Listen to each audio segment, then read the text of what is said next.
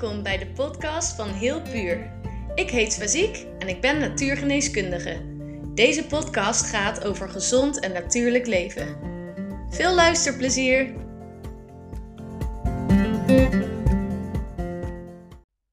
Welkom weer bij aflevering 3 van de Heel Puur podcast. Deze keer wil ik het graag hebben over acuut versus constitutioneel behandelen. Acuut handelen is als we een klacht die nieuw is gaan behandelen en ook alleen maar op die klacht gaan behandelen. De soort EHBO eigenlijk. Er dient zich een griepje aan. We kijken naar de verschijnselen van die griep. Daar beslissen we in welke kruiden bijvoorbeeld helpend zouden kunnen zijn. En die geven we. En als die griep er een beetje hetzelfde uitziet, kun je aan uh, het kind die griep heeft bijna hetzelfde middel geven als de ouder die bijvoorbeeld diezelfde griep te pakken heeft. Um, en dan ben je dus heel erg korte termijn aan het werken. Constitutioneel behandelen, dat is wat ik in de praktijk vooral eigenlijk alleen maar doe. Uh, en wat ook meer lange termijn doelen heeft. Dat is juist niet alleen kijken naar de klacht, niet alleen kijken naar het huidige symptoom, maar ook kijken naar de hele constitutie van iemand. Nou, bij dat um, lange termijn behandelen, bij dat constitutionele handelen, is, um, daar komt een heleboel bij kijken. Ten eerste bepaal ik bij iedereen van mijn cliënten welk temperament ze hebben. In aflevering 1 kon je luisteren naar de vier natuurkwaliteiten. Daarin heb ik het ook over die temperamenten. En het is voor mij belangrijk om te weten welk temperament iemand heeft, welke bewegingen hij of zij maakt over de vier natuurkwaliteiten. Of dat gezondmakende bewegingen zijn voor die persoon. Of schiet hij bijvoorbeeld door in warm. Of kan hij niet meer naar vocht. Uh, en zo helpt dat plaatje mij al een deel van de constitutie uh, in beeld te brengen. Daarbij gebruik ik de irisfoto. Dus ik maak altijd een foto van de cliënt zijn iris. En daar kan ik dan weer een heleboel in zien. Uh, ook aangeboren dingen, maar ook in het leven vergaarde processen en klachten. En ja, dus ik heb die irisfoto en daarbij heb ik een zeer uitgebreid gesprek met iemand. Dat noemen we de anamnese. En in die anamnese ga ik eerst de huidige situatie helemaal uitvragen, echt tot in detail. En als we dat helemaal in beeld hebben, die huidige situatie, dan ga ik één voor één alle orgaansystemen af. Ik wil namelijk kunnen beoordelen per orgaansysteem of deze sterk, belast of zwak is. Ik wil namelijk straks dat wat zwak is versterken met mijn behandeling. Ik wil datgene wat belast is, wil ik ontlasten of helpen um, zijn ballast kwijt te raken door erover te reinigen. Datgene wat sterk is, daar kan ik met een gerust hart over reinigen. Want dat is steeds waar mijn behandelingen op gestoeld zijn, namelijk versterken dat wat zwak is, reinigen over iets wat sterk is of belast, zodat het uh, ontlast wordt, en de vier natuurkwaliteiten in balans krijgen, passend bij die persoon. En natuurlijk, als vierde punt wil ik ook dat ze van hun klachten afkomen die ze nu ervaren.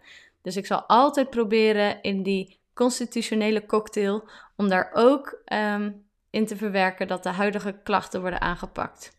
En dit hele verhaal zorgt ervoor dat ik dus niet op ieder verzoek wat ik krijg, één op één een makkelijk antwoord kan geven.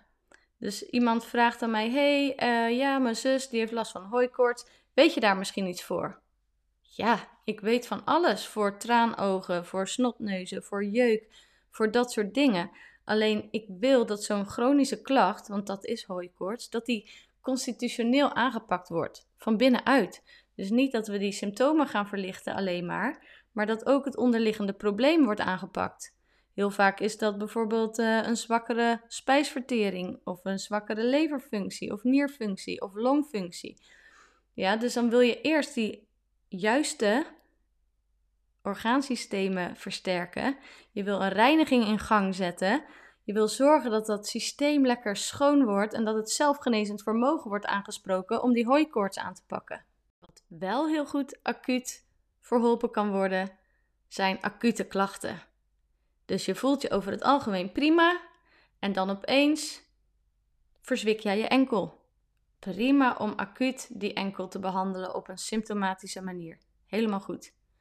Of je bent gewoon, je zit lekker in je vel en opeens krijg jij een verkoudheid. Ook prima om die symptomen te begeleiden en ook wel weer te zorgen dat je het niet onderdrukt, maar dat je het zelfgenezend vermogen aanspreekt.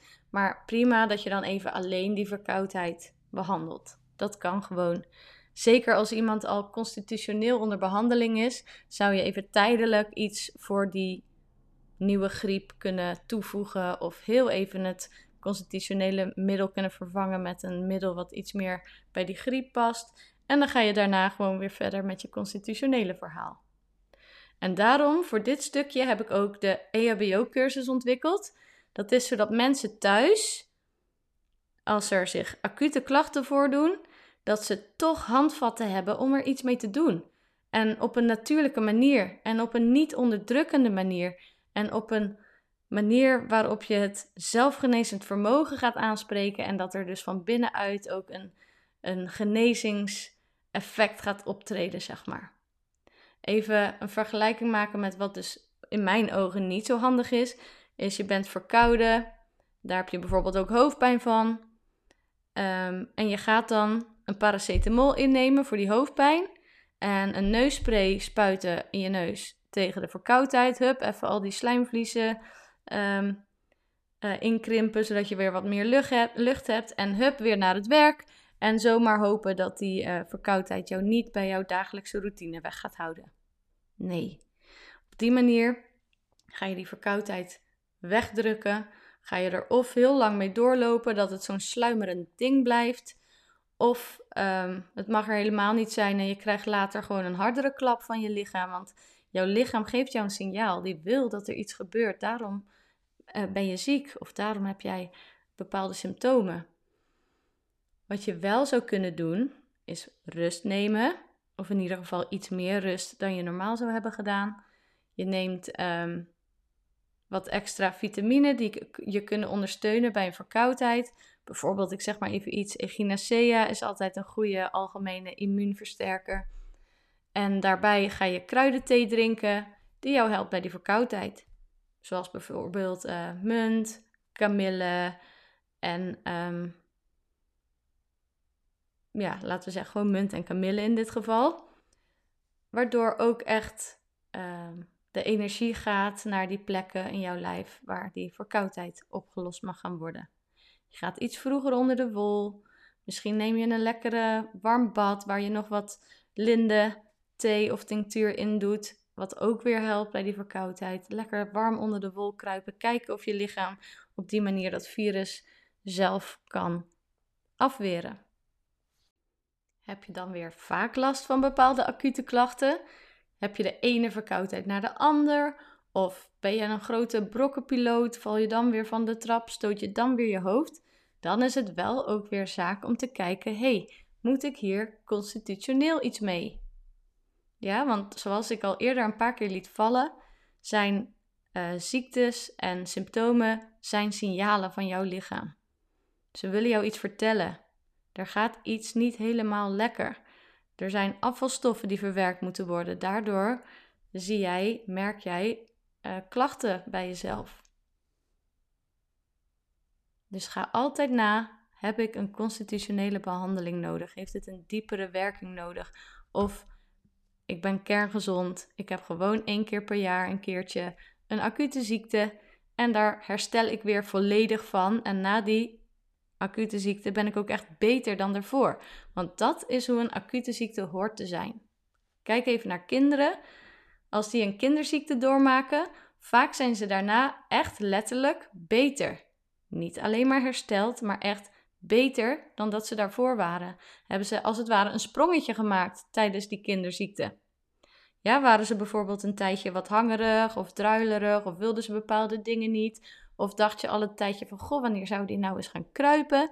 Nou, een acute ziekte dient zich aan en daarna ineens, poef, gaat hij kruipen. Of praten. Of is uh, um, humeur opgeknapt dan ten opzichte van daarvoor. Ja, dus daar zijn eigenlijk die acute ziektes voor. En als dat bij jou het geval is, zou ik me niet te veel zorgen maken. Blijf je lekker op jouw mooie levenspad. Doe je af en toe een acute behandeling als zich iets aandient en ben je verder oké. Maar voel dit goed bij jezelf na. Ben je te vaak of te lang of altijd maar half aan het kwakkelen, dan is het zeker een goed idee om hier constitutioneel naar te kijken.